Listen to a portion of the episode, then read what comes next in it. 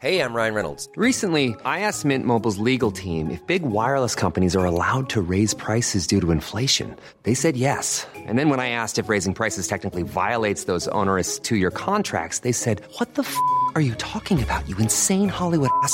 F- So to recap, we're cutting the price of Mint Unlimited from $30 a month to just $15 a month. Give it a try at mintmobile.com slash switch. $45 upfront for three months plus taxes and fees. Promo rate for new customers for limited time. Unlimited more than 40 gigabytes per month. Slows. Full terms at mintmobile.com.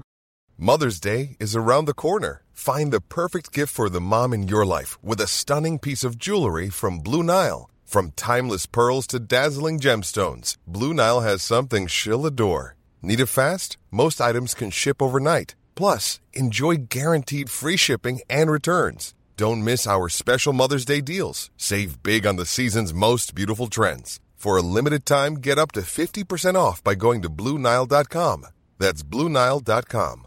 Quality sleep is essential. That's why the Sleep Number Smart Bed is designed for your ever evolving sleep needs. Need a bed that's firmer or softer on either side? Helps you sleep at a comfortable temperature? Sleep Number Smart Beds let you individualize your comfort so you sleep better together. JD Power ranks Sleep Number number 1 in customer satisfaction with mattresses purchased in-store. And now save 40% on the Sleep Number limited edition Smart Bed for a limited time. For JD Power 2023 award information, visit jdpower.com/awards. Only at Sleep Number stores or sleepnumber.com. Palmemordet, Viktor Gunnarsson, del 10. Sveriges statsminister Olof Palme är död. 90 000. Ja, det är mord på Sveavägen. Hörde de säger att det är Palme som är skjuten. Mordvapnet med säkerhet är en Smith Wesson, en revolver kaliber .357. Inte ett svar. Finns inte ett svar. För jag har inget. Och jag har inte varit Polisen söker en man i 35 till 40-årsåldern med mörkt hår och lång mörk rock. Jag tänkte börja dagens avsnitt med att låta Viktor Gunnarsson komma till tals. Och som vanligt så gestaltas ju Viktor Gunnarsson av Tobias Henriksson. Så här är Viktor Gunnarssons eh, version av händelserna vi följde i slutet av förra avsnittet och en bit fram. Och sen ska vi titta på vad Inuti labyrinten och granskningskommissionen tycker om de händelser som Viktor beskriver på slutet. Förhör och konfrontationer. I slutet av april kom beskedet från Gunnar Falk. Du måste komma upp till Stockholm för nya förhör och konfrontationer, men du behöver inte vara orolig. Jag litade på Gunnar, men inte på polisen. Vad hade man hittat på under de här veckorna? Jag var inte ens främmande för tanken att vittnesmål kunde ha förvrängts för att skada mig. En sådan åtgärd var det enda som skulle förändra min situation. Eller kan någon förklara vad en konfrontation spelade för roll vid det här laget? Min bild var publicerad. Alla som hade intresse av eller var nyfiken på hur jag såg ut kände naturligtvis igen mig på polisens fotografier eller där jag stod bakom spegelväggen. Då visste jag inte att jag var slagträ i en avgörande strid mellan Holmer och chefsåklagaren KG Svensson. Holmer hade velat ha den största konfrontationen i Stockholmspolisens historia för att få klarhet i vad jag gjorde mordkvällen och natten. Avsikten var givetvis att binda mig vid brottet. Sammanlagt 74 personer lär ha stått på listan. Svensson accepterade 11 men gick sedan upp till 21. På ett medlingsmöte hos justitieministern med riksåklagaren som domare enades man om en kompromiss. 52 vittnen. Allt detta skedde högt över mitt huvud. Vid den tidpunkten satt jag i en bil med två poliser som kommit från Stockholm för att hämta mig. Det var svårt att ta farväl av mina föräldrar med den svarta bilen väntande nere på gatan. Vi ses snart igen, sa jag och försökte göra rösten stadig. Jag vet inte om de trodde på mina ord. Mamma och pappa hade också blivit luttrade. Vi förde en mycket neutral konversation under resan till Stockholm. Polismännen uppträdde mycket korrekt och gjorde inga försök att pumpa mig. Jag gitte heller inte sondera vad som kunde vänta mig de närmaste dagarna. Mitt sällskap visste förmodligen lika lite som jag. I Stockholm hade polisen ordnat med rum på lyxhotellet Sergel Plaza. Jag fick ännu ett nytt namn. 33-åringen blev Pettersson. Du ska veta att det finns poliser i rummet mitt emot ditt, upplyste en av dem. Inte för att bevaka dig utan för att skydda dig mot intrång, tillade den andra. Men du behöver inte sitta inne på hotellrummet hela kvällen, fortsatte den första. Du får gärna gå ut på stan, fast för säkerhets skull ger vi dig diskret beskydd. Jag hade ingen lust att umgås med polisen, inte ens diskret, och förklarade att jag tänkte tillbringa kvällen på rummet tillsammans med en del vänner. Om det gick för sig? Jo då, polisen gav sin tillåtelse. Jag ringde till ett tjugotal personer, vilkas namn funnits i den adressbok som varit sådan het potatis för polisen. Många var inte hemma, några hade inte tid att träffa mig och en enda, en chilenska, svarade kort att hon numera hade andra vänner och la på luren. En pojke och två flickor ställde gärna upp. Vi kom överens om tid för besök på rummet. De kände inte varandra så jag träffade dem en åt gången. Pojken berättade att han hade varit i förhör hos polisen. Jag sa åt dem att det var ett fatalt misstag att komma med anklagelser mot dig. Förhörsledaren hade gjort allt för att få honom att säga ofördelaktiga saker om mig och kom ofta med ledande frågor.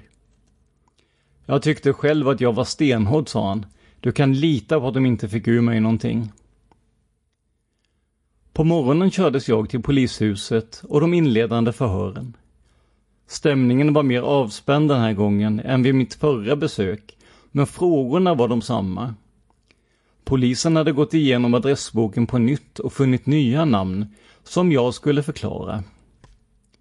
En stor del av samtalen, jag föredrar att kalla dem så, koncentrerade sig kring tidpunkten mellan 23 och 1 mordkvällen. Polisen hävdade med bestämdhet att versionen om ett besök på biografen Saga var den riktiga, även om man tagit tillbaka att det varit nära bekanta till mig som varit ögonvittnen. Om du inte var på Saga, vad gjorde du istället för att besöka Rigoletto? För den versionen behöll man också, att eftersom personalen inte kunnat identifiera mig hade jag aldrig varit på Rigoletto. Endast Gud vet hur många gånger som jag rannsakat mitt minne för att erinra mig alla detaljer kring de ödesdigra timmarna. Om jag kunde hitta en enda detalj för att bevisa min oskuld. Jag är säker på att min första spontana reaktion är den enda rätta. Jag gick på Rigoletto efter min långsittning på Mon Efter besök hos McDonalds hade jag åkt tunnelbana hem till Norsborg utan att någonsin ha varit på Sveavägen, mycket mindre vistats i närheten av Tunnelgatan, för att inte tala om Döbelnsgatan.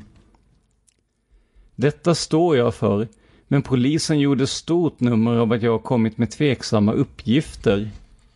Är detta så underligt? I alla förhör kände jag mig manipulerad och utpekad. Sportlovsveckan efter mordkvällen förflöt på ungefär samma sätt som fredagen den 28 med besök på Moncherie och många biografer. Om förhören de här två dagarna var föredömligt komprimerade och avspända var konfrontationerna desto mer kaotiska. I det speciella rummet stod jag omgiven av poliser i samma format som jag och beskådades. Av vilka? Jag fick aldrig veta. Gunnar Falk sa också efteråt att allt sammans varit tämligen meningslöst. Min andra kväll var jag tröttkörd efter förhör och konfrontationer och orkade inte ringa efter bekanta eller gå på stan. Med poliserna i rummet på andra sidan korridoren somnade jag lugnt in som en högst vanlig herr Pettersson. Efter sista förhören kördes bilen fram och den långa resan mot Blekinge började. För den här gången. Vi kanske måste höra dig flera gånger, var en avskedsreplik. Vi har inte hunnit med alla konfrontationerna. Hur länge skulle Holmér få fortsätta leka tänkte jag i bilen hem. Naturligtvis kunde jag protestera och bråka, men det gagnade knappast min sak. Allmänheten kunde ges intrycket att jag hade något på mitt samvete. Och jag tänkte inte ge honom triumfen att på en presskonferens i tv meddela att jag vägrade ställa upp. Nyheten hade spritts hemma var jag varit. Även om alla skriverierna kunde ge intryck av att jag ännu var misstänkt hade stämningen svängt totalt. Jag tror inte en enda i samhället betraktade mig som skyldig, utan alla uppträdde mycket positivt mot mig. Den här gången behövde jag inte heller gömma mig en vecka innan jag vågade gå ut. Redan dagen efter hemkomsten träffade jag bekanta och berättade om Stockholmsresan. Det var mig en enveten rackare den där Holmes, sa en gammal ortsbo när vi talades vid. Kan du inte säga åt den att fråga folk i allmänhet och han får veta att du aldrig haft fuffens för dig. Jag hade gärna sagt åt den där Holmes om jag bara fått tillfälle att träffa honom. Allt verkade gå mot det normala, utåt. Men vågade jag blicka framåt? Hade jag någon framtid? Eller var mitt liv redan krossat? Rättsövergrepp av betydande beskaffenhet. Jag hoppades nästan att jag skulle glömmas bort i det stora dramat. För nu utspelades en annan kamp inför öppen ridå. Hans Holmer och hans manskap mot chefsåklagaren KG Svensson.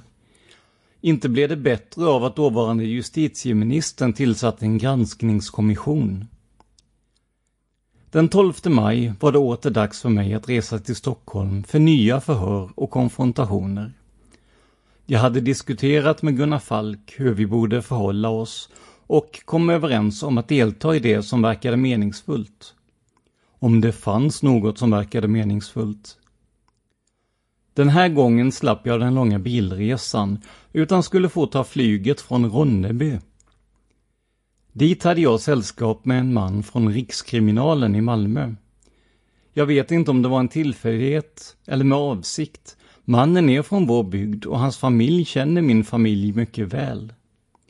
Under den korta sträckan förde vi ett neutralt samtal om gemensamma lokala ämnen och berörde aldrig polisutredningen.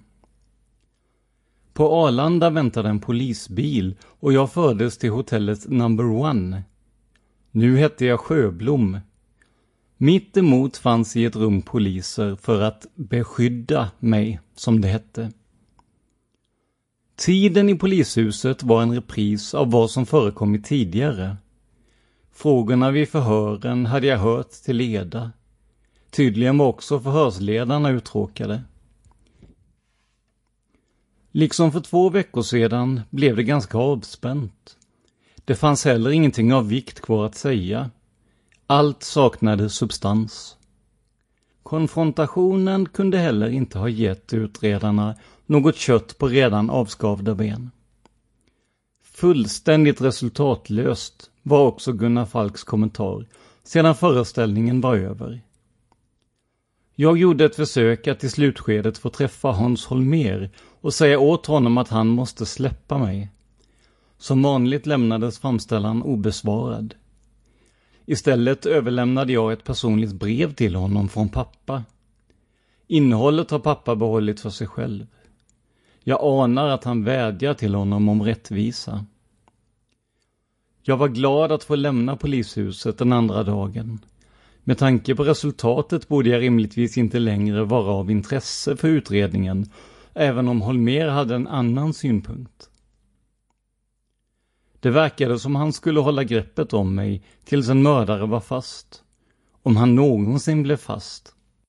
För den utredning som satts igång konstaterade att mordspaningarna inte skötts tillfredsställande. Jag kördes ut till Arlanda och i Ronneby väntade min bekanting hemifrån. Han följde sedan med in till mina föräldrar och vi satt och pratade en stund över en kopp kaffe. Kriminalaren hade tidigare arbetat direkt under Holmer men undvek att uttala sig om honom. Vi talade överhuvudtaget mycket sparsamt om utredningen och omständigheterna kring den här hämtningen. Någon dag senare får jag den upprättelse som jag så intensivt väntat på, tror jag. Chefsåklagaren KG Svensson går ut med ett pressmeddelande och förklarar att förundersökningen mot mig som misstänkt för delaktighet i mordet på Olof Palme har nedlagts än när den verkställda utredningen inte ger något stöd för antagande att XX haft något med denna gärning att göra. Det finns nu ingen anledning att fullfölja förundersökningen varför denna nedlägges. Jag vågar knappt tro vad jag hör och ser i radio, tv och tidningar.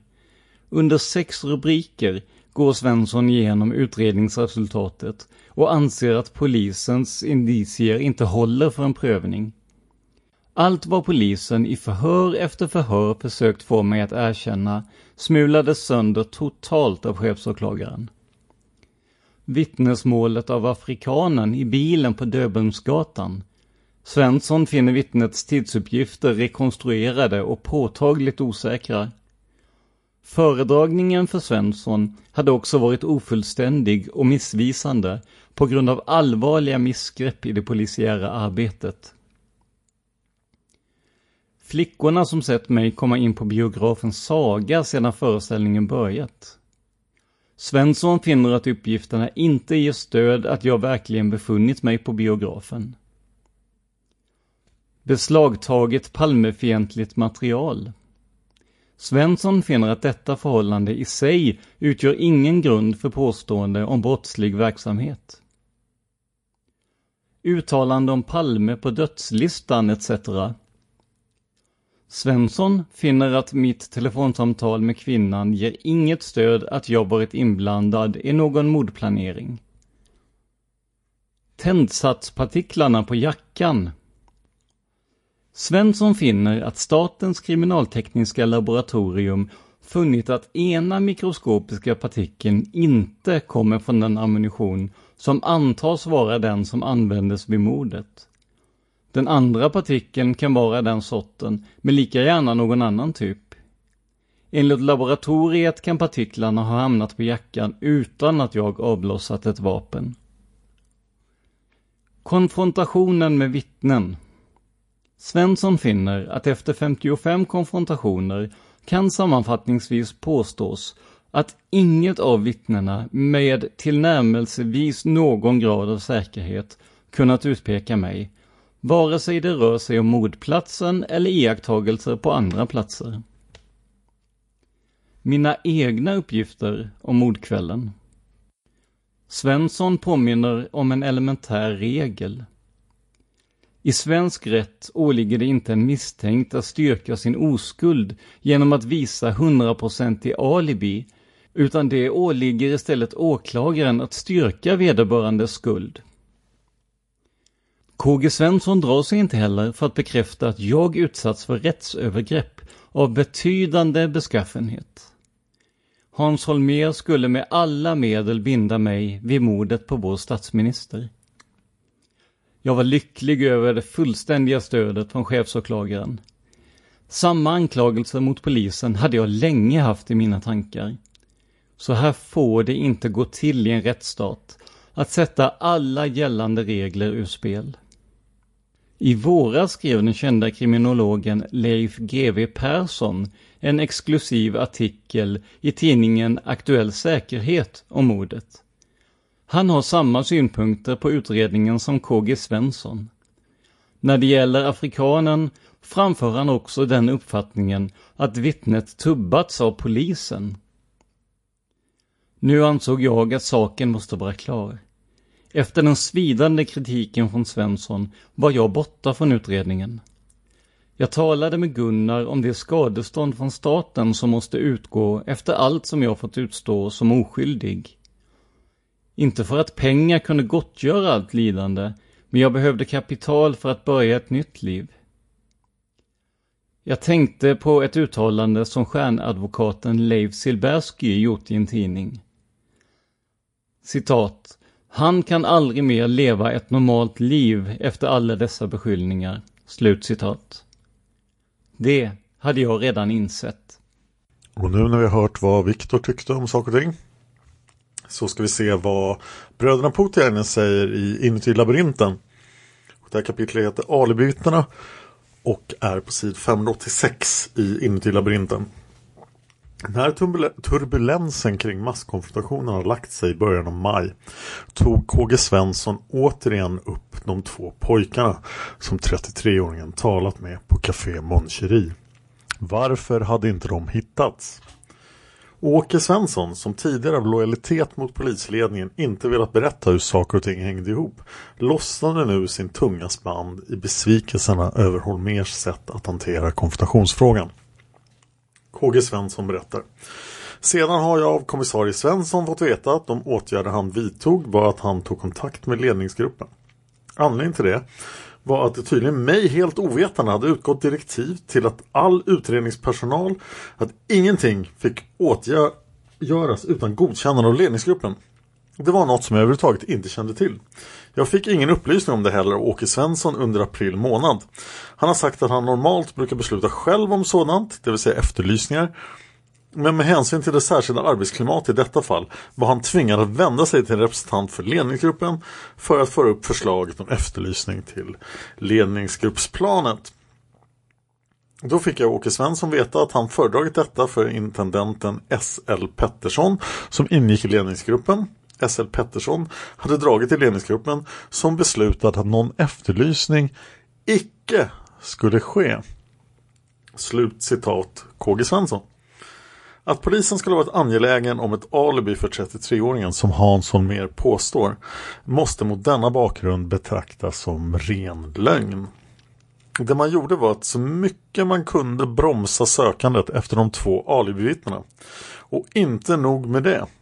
Åke Svensson avslöjade också att varenda åtgärd som utredningsmännen på fältet tänkte vidta rapporterades till ledningsgruppen för godkännande. Det spelar ingen roll om åtgärden var begärd av åklagaren som formellt var förundersökningsledare. Den skulle ändå rapporteras till och godkännas av kretsen kring Hans Holmér. Normalt i en mordutredning arbetar åklagaren i direktkontakt med polismännen på fältet. Men i denna utredning hade alltså ledningsgruppen lagt sig som en byråkratisk instans emellan. Åklagaren berättade att han blev chockad när han insåg detta. Så ett nytt citat från KG Svensson här. Det som hände visar att jag inte ens, som jag trodde, ledde förundersökningen i den delen som gällde 33-åringen. Utan det var toppstyrt. Den vetskapen som jag fick först i början av maj var helt chockartad. Då pratar jag alltså över två månader efter mordet. Eh, bröderna Putiainen fortsätter. När han hade hämtat sig från chocken gick KG Svensson den 12 maj till utredningspersonal på våldsroten och gav en direkt order om att de två pojkarna omedelbart skulle efterlysas i massmedia. Justitiekanslern har i sin utredning på sid 29 beskrivit vad som sedan hände. Så citat från justitiekanslerns utredning. Ärendet föredrogs för ledningsgruppen vid kvällssammanträdet den 12 maj. Wranghult var mycket tveksam till det meningsfulla i en sådan åtgärd och Wranghult var alltså Hans Holmers närmaste man. Ledningsgruppen fann att om åklagaren ville skicka ut en sådan efterlysning så skulle den formuleras av honom och därefter lämnas till Hallberg, polisens presstalesman, för publicering. Det skulle av formuleringen framgå att det var åklagarmyndigheten som begärde efterlysningen. JKs beskrivning av händelserna är dock inte fullständig. Han underlåter att nämna, säger bröderna Putiainen, att det fanns ett färdigskrivet pressmeddelande som stoppades vid kvällssammanträdet. Juristkommissionen delrapport 2 sid 61 är klarare på den här punkten så nu citeras juristkommissionen. Vid ett sammanträffande med utredningspersonalen den 12 maj gav KG Svensson besked om att vittnena på Café Mon omedelbart skulle efterlysas i massmedia. Den text som skulle publiceras utformades också. Påföljande dag fick KG Svensson emellertid underrättelse om att meddelandet inte hade sänts ut eftersom det inte framgick att det var åklagarmyndigheten och inte polisen som gjorde efterlysningen. En ny text utformades och överlämnades till ledningsgruppen. Först den 14 maj gick efterlysningen ut genom att utredningsmännen själva ombesörjde detta. Bröderna Putiainen fortsätter. Med andra ord motarbetades försöken att få ut en efterlysning in i det sista av ledningsgruppen. När inte något annat gick tog man till formell förhalningstaktik med krav på att det klart skulle framgå att åtgärden var beslutad av åklagaren. Och i slutändan tog man helt avstånd från efterlysningen genom att vägra sända den. Polismännen i N-gruppen fick göra det själva. KG Svensson kände sig naturligtvis förbittrad över den här motsträvigheten. Och citat KG Svensson. Jag gick ut med ett besked om att det skulle göras en efterlysning. Ändå stoppades det och det blev en fördröjning på ytterligare en dag innan jag fick ut en efterlysning. Och dagen efter hade de här vittnena anmält sig och satt hos polisen. De två pojkarna från Moncherie hittades alltså direkt när man gick ut i media. De förhördes och gav 33-åringen ett nära nog vattentätt alibi. I en skrivelse 1987-0204 till juristkommissionen förklarade Svensson vad deras vittnesmål innebar. Citat KG Svensson igen. Den alibikontroll som till sist kunde genomföras innebar att det klarlades att 33-åringen även talade sanning i fråga om sina förehavanden på Mon Cherie och att denne befann sig med säkerhet där då Palme lämnade biografen och även med största sannolikhet även då mordet begicks. Varje skäl att därefter hålla de förhör med 33-åringen som ledningsgruppen bestämt hade därmed förfallit. Bröderna Puttjärnen fortsätter. Vi erinrar oss att ledningsgruppen utan att fråga åklagaren hade bestämt att hålla förhör med 33-åringen den 16 maj. KG Svensson påpekade att det efter alibikontrollen inte fanns något som helst skäl att hålla det här förhöret. Pojkarnas vittnesmål visade slutgiltigt att 33-åringen talade sanning om sina förehavanden mordkvällen.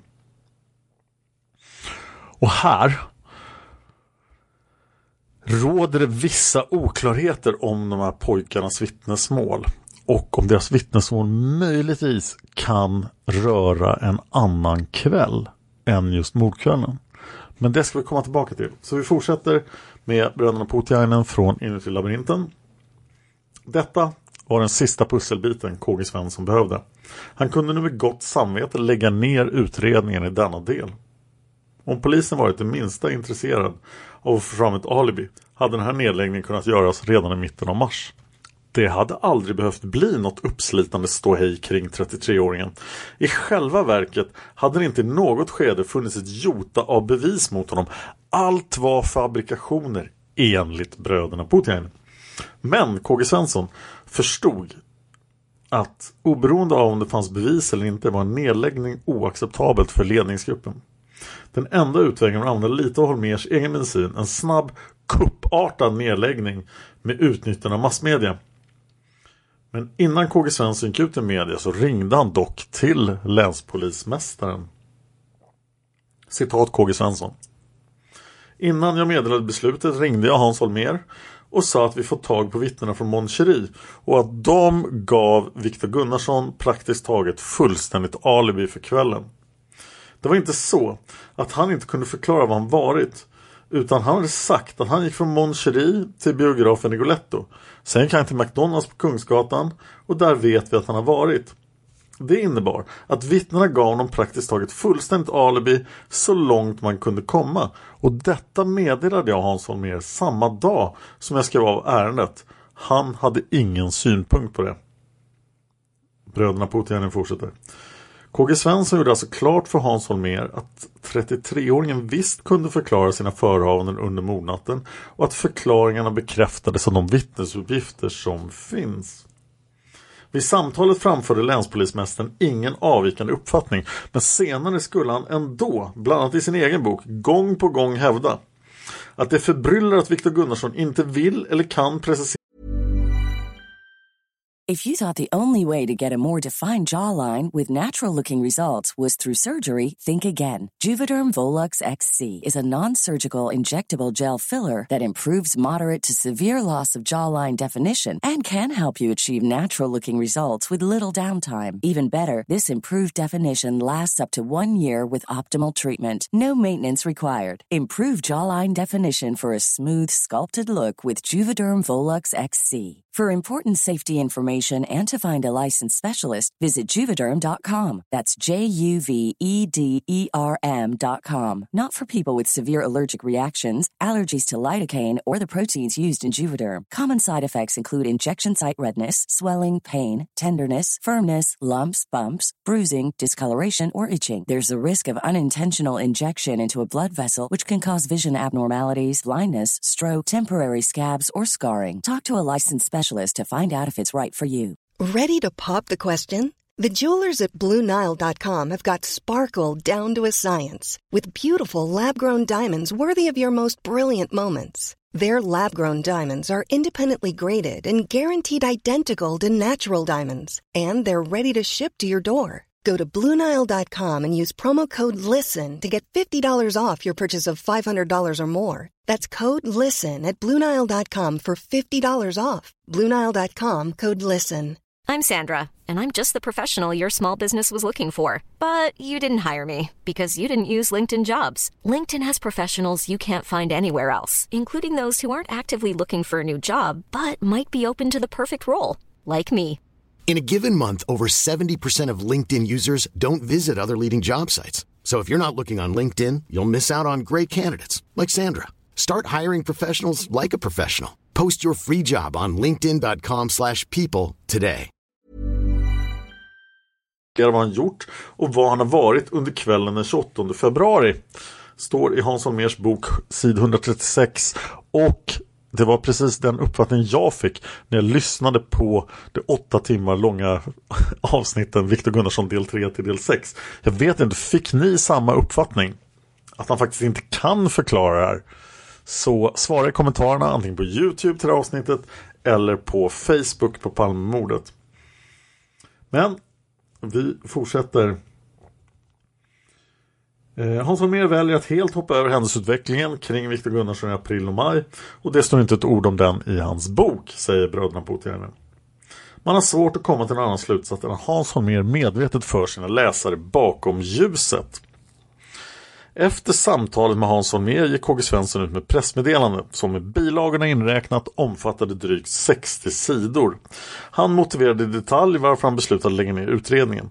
Många beska sanningar kom nu fram i dagsljuset. Bland annat skrev han att, så citat från KG Svensson igen. Gunnarsson hade långt tidigare kunnat avföras från mordutredningen om inte ledningsgruppen i Palmeärendet genom inblandning i förundersökningsledningen, agerande i olika riktningar och försök till påtryckningar på åklagaren genom olika kanaler stört och hindrat ett rationellt arbete från åklagarens sida. Enligt min mening har Viktor Gunnarsson utsatts för rättskränkning av allvarlig beskaffenhet. Bröderna Putiainen fortsätter. KG Svenssons kuppartade nedläggning av utredningen och kraftfulla pressmeddelanden den 16 maj tog Hans Holmér på sängen. Han blev så överrumplad att det tog flera dagar innan han hunnit samla sig så mycket att han kunde gå till motangrepp i media. Men den 17 maj gjorde Hans Holmér endast följande kommentar i form av ett pressmeddelande. Så, citat Hans Holmérs pressmeddelande. Jag väljer tills vidare att inte kommentera chefsåklagarens brottsjöbeskyllningar. Vi tål den storm som nu rasar mot mig och mot polisen. Vi kommer att rida ut den stormen också. Jag tänker inte avgå om nu någon till äventyrs trodde det. Det kanske förvånar en del, men vi fortsätter arbeta som tidigare. Lika metodiskt, lika energiskt, lika beslutsamt. För spaningsarbetet betyder det inträffade bara att en misstänkt person har avförts från mordutredningen. Moral moralen inom polisen är fortfarande hög. Utredningen har inte strandat. Bröderna Puutiainen fortsätter. Men hur var det med moralen? Polismän i N-gruppen uttalade sig i pressen, anonymt naturligtvis, för att undvika repressalier. Flera poliskällor betecknar i natt KG Svenssons beslut att hoppa av fallet liktydigt med det totala haveriet för mordutredningen på mordet på Olof Palme. Det är fel man som går. Hans Holmér borde istället lämnat ledningsjobbet, säger en högt uppsatt poliskälla till Expressen. Samma källa tillägger Bland de enskilda polismännen som deltar i utredningen åtnjuter KG Svensson stort förtroende. Det är en oerhört duktig jurist och han är ärlig. Det här kom från Expressen den 17 maj 1986, sid 8. I och med nedläggningsbeslutet avgick KG Svensson automatiskt. Överåklagare Claes Seime hade nämligen redan den 5 maj övertagit åklagaruppgifterna och i utredningen. Utom i den del som berörde Viktor Gunnarsson. Så långt hade alltså Hans Holmér vunnit tvekampen. Han hade fått bort KG Svensson. Som synes hade dock polismännen på fältet istället föredragit att Hans Holmér avgått. Ja, det var ingen vidare statistisk undersökning. Några tyckte ju så uppenbarligen i alla fall. Bröderna Puutiainen fortsätter. Dessa tongångar kom också till uttryck i Aftonbladet den 19 maj. Samtidigt växer kritiken mot Hans Holmér internt i polishuset. Erfarna mordutredare främst på våldsroten säger till Aftonbladet. Hans Holmér är mer administratör än kriminalpolis. Han detaljstyr så att vårt arbete hämmas. Vi har till och med tvingats bygga upp informella samarbetskanaler vid sidan om Holmers ledningsstruktur. Vi har ett mycket större förtroende för KG Svensson än för Hans Holmér. Och vad än Holmér säger så har utredningen kört fast. Det finns inte ett enda hett uppslag bland våra 25 000 tips. 25 000 tips. Det kan man tänka sig var svårt att hitta något vettigt i. Att den vanligtvis så talför länspolismästaren nu valde att hålla tyst ledde också till kritiska kommentarer i tidningarna. Hans Holmér har tidigare alltid varit snabb med egna pressmeddelanden. Vid telegram och telefax har han sedan mordet på Olof Palme kommenterat utvecklingen till och med i detaljer i pressens rapportering om fallet. Men nu gäller honom själv och hans roll som ledare för den viktigaste mordutredningen i Sveriges historia. Och då väljer han, åtminstone till vidare, att tiga, säger Aftonbladet den 17 maj 1986 på sid 9. Bröderna Putiainen fortsätter. Holmers tigande gjorde att en av hans trognaste vapendragare i ledningsgruppen, rikskrimchefen Tommy Lindström, fick uttala sig istället. Och Tommy Lindström sa Spaningsledningen är ytterst irriterad över att chefsåklagare KG Svensson nu har skrivit av Viktor Gunnarsson från utredningen. Vi måste få gå till botten när det gäller alla misstänkta personer, säger Rikskriminalens chef Tommy Lindström. Att släppa någon innan han är helt rentvådd och frikänd är förödande för alla parter. Tommy Lindström är också kritisk till att polisen nu inte ges möjlighet att fortsätta undersökningen av 33-åringens förehavanden under mordkvällen och hans eventuella inblandning i Palmemordet. Det får aldrig kvarstå några frågetecken när man släpper en misstänkt person från en utredning. Det är inte rätt mot den misstänkte som på så sätt aldrig blir rentvådd och friad. Det är inte heller rätt mot allmänheten som inte får sina frågor besvarade. Och det är inte rätt mot polisen som hindras att fullgöra sitt arbete. Aftonbladet den 17 maj 1986, sid 7. Bröderna Putiainen fortsätter. Att vittnen bekräftade alla 33-åringens uppgifter och att han hade alibi var tydligen inte alls tillräckligt för Tommy Lindström. Det krävdes mer än så för att bli friad från alla misstankar. Rikskrimchefen försvarade också Börje Wingrens agerande. Så citat Tommy Lindström. KG Svensson skriver i sitt brev att spaningsledningen vid flera tillfällen lurat och vilselett honom. Föredragningar har varit ofullständiga, missvisande och inkorrekta. Snack, säger Tommy Lindström. Åklagaren har hela tiden haft tillgång till allt utredningsarbete, både vittnesförhör och protokoll från konfrontationerna. Att skylla på felaktiga föredragningar håller inte. Medan pressdebatten rasade gick länspolismästaren och grundade på hur han skulle bemöta åklagarens avslöjanden. Ann-Marie Åsheden har i sin bok på sidor 162-163 berättat om Hans Holmers funderingar under de här dagarna. Han går och ruvar på hur han ska bemöta KG Svenssons anklagelser om rättsövergrepp. Alla tänkbara medier har ringt och vill ha ut honom i den massmediala hetluften. Och Hans bestämmer sig efter pingst för att gå ut i Magasinet och Expressen. Intervjun i Expressen publiceras den 22 maj 1986. Expressen Chefsåklagare KG Svensson hävdar att den tidigare anhållne 33-åringen utsatts för en rättskränkning av allvarlig beskaffenhet. Vad är din kommentar? Hans Holmér. Det är en oerhörd beskyllning. Det vore fruktansvärt om det vore sant. Men dessbättre är det inte sant. Det borde den som har utslungat de här beskyllningarna begripa eftersom det är han som har fattat de avgörande besluten. Expressen. Men hur kan en erfaren åklagare påstå en sån sak om man inte har någon grund för det?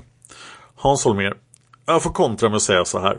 Under de 83 dygn som spaningen har pågått har nästan varje ord som jag har sagt nagelfarits. Och nu går chefsåklagaren in och slungar ut en störtsjö av beskyllningar mot mig och mot polisen. Och då tas hans ord för kungsord. Det är bara någon enstaka journalist som har vågat kröka något hår på hans huvud.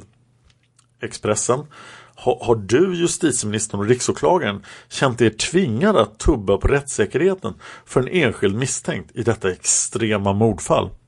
Hansson är nej, inte ett ögonblick.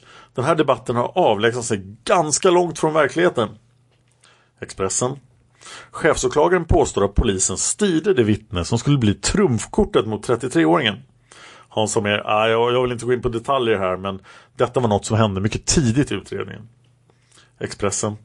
Detta vittne fick se en bild på 33-åringen före konfrontationen vilket enligt KG Svensson gjorde vittnet värdelöst.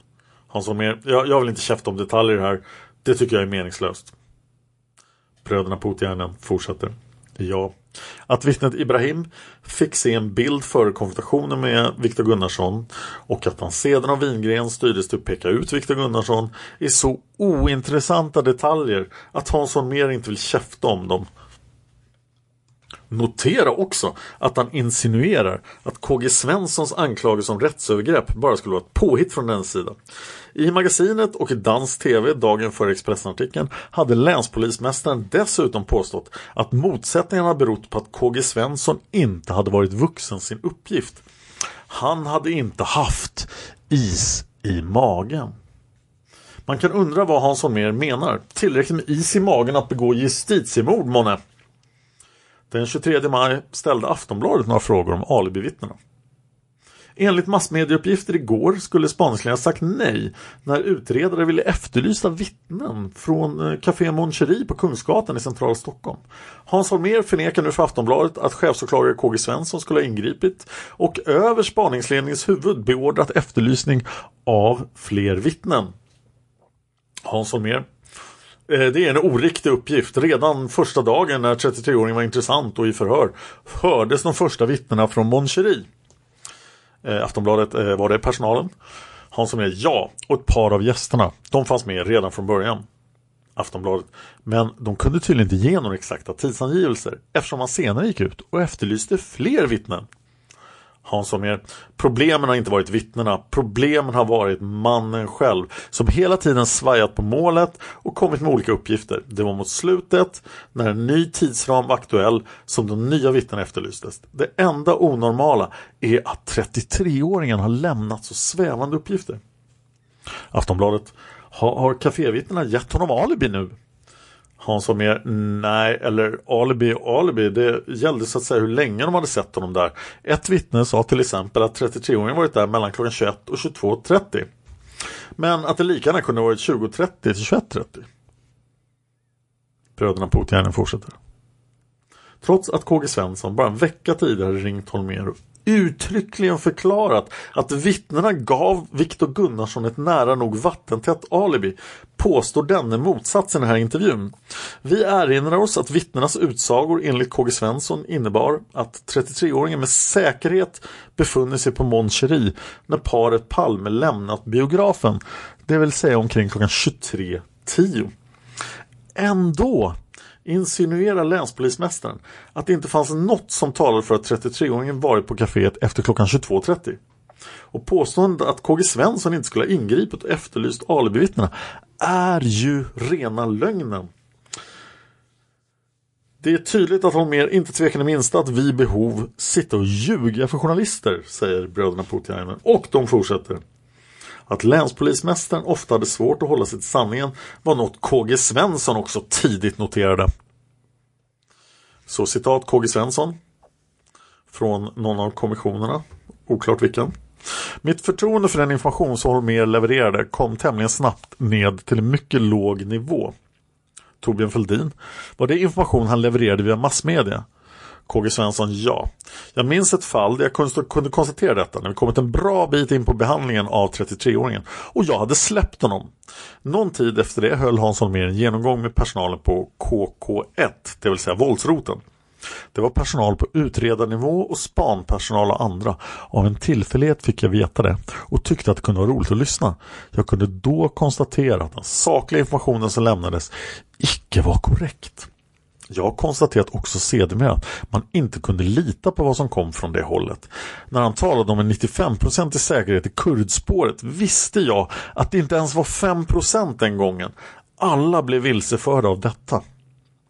Har man ett förtroendegivande sätt att leverera sina uppgifter är det klart att alla faller för det.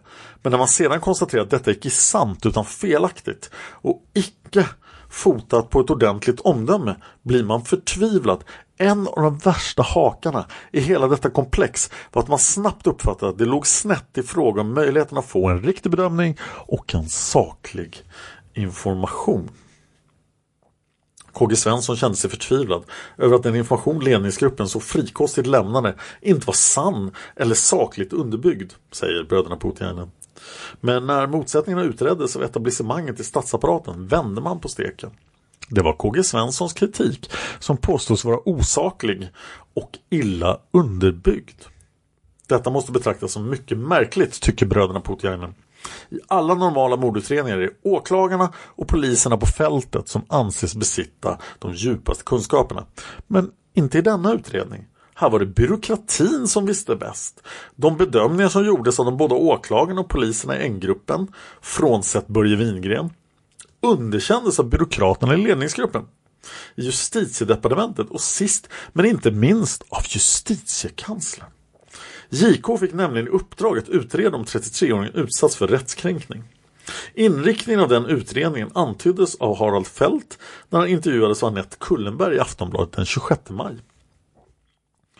Fält säger om KG Svenssons brev, det var unikt att gå ut med så stark kritik mot en annan myndighet. Allt har gått sin gilla gång. Det enda konstiga är KG Svenssons brev till pressen. Det tycks som att konflikten med Holmer inte enbart bottnar i sakliga motsättningar. Nej, just det. Han vill inte spekulera mer om skälen. När jag frågar om han är optimistisk om spaningarna svarar han genast ja. Kommer fallet kunna lösas? Ja, det tror jag. Denna tro bygger han på kunskaper han har om målet. Han eh, kan inte alla detaljer men har en ordentlig överblick över det. Det är därför han är optimist och han tycker att Hans Holmér har skött sig bra. Polisens uppläggning av arbetet är utmärkt. Men allra bäst tycker nog Harald Fält att hans eget departement har skött sig. Vi har gjort 100% rätt i varje enskild del. När justitiekanslern den 4 december 1986 blev klar med sin utredning visade sig att hans slutsatser praktiskt taget fullständigt överensstämde med Harald Fälts intervjusvar från maj månad. Är det någon som är förvånad, undrar bröderna Putin. Det visar naturligtvis bara hur objektivt och skarptänkt statssekreteraren var, eller hur? Det Fält inte förstod var att KG Svensson med sitt drastiska agerande förmodligen räddade Viktor Gunnarsson från justitiemord.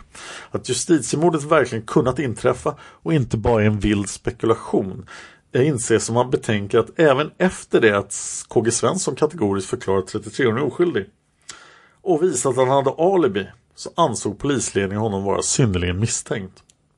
Hans Holmér var dock inte dummare att han insåg efter KG Svenssons utspel att det aldrig mer skulle gå att göra en trovärdig mördare av Viktor Gunnarsson.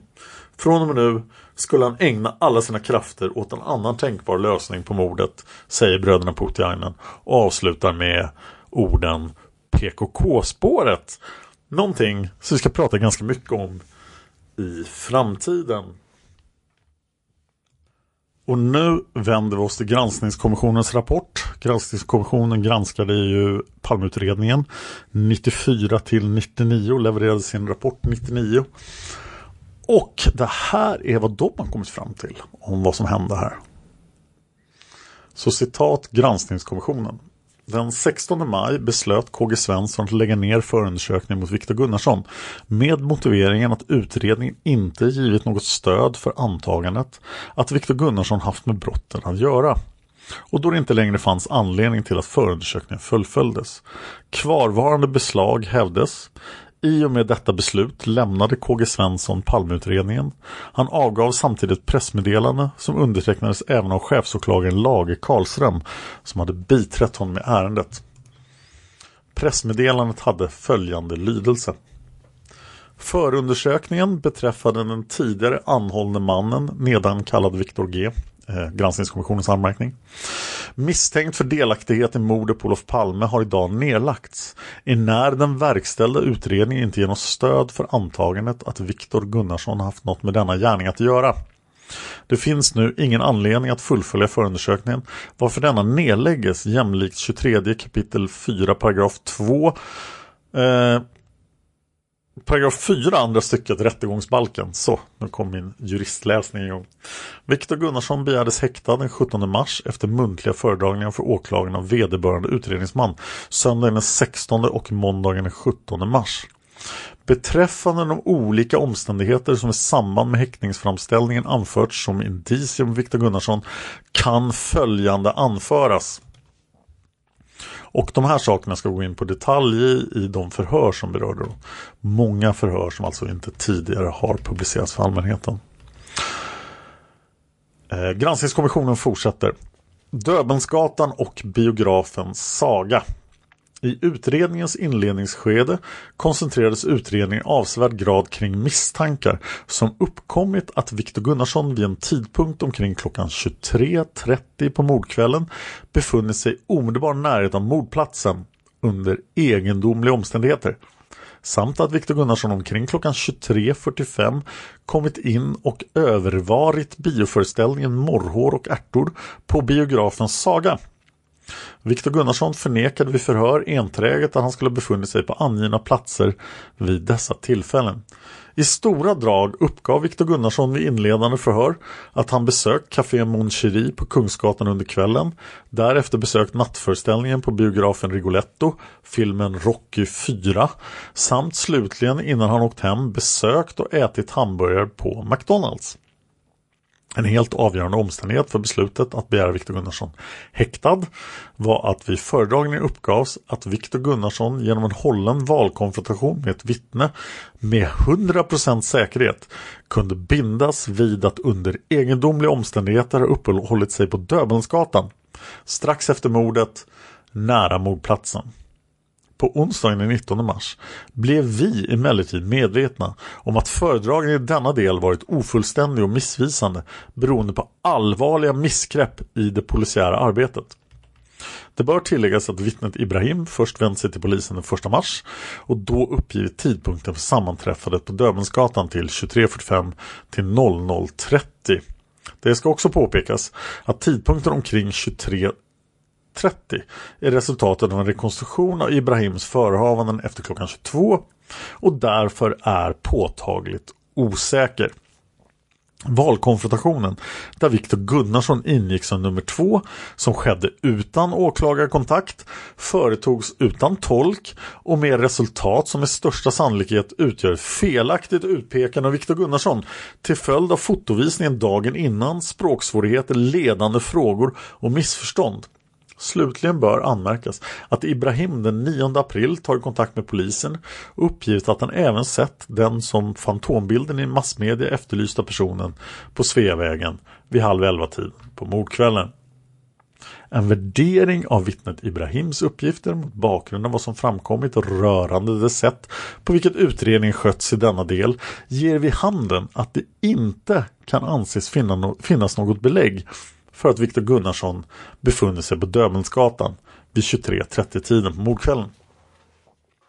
Vad gäller misstanken om Viktor Gunnarssons besök på biografen Saga på mordkvällen uppgavs vid föredragningen att två kvinnliga vittnen, här kallade S och Z, sett Viktor Gunnarsson komma in på nämnda biograf vid 23.45-tiden mordkvällen.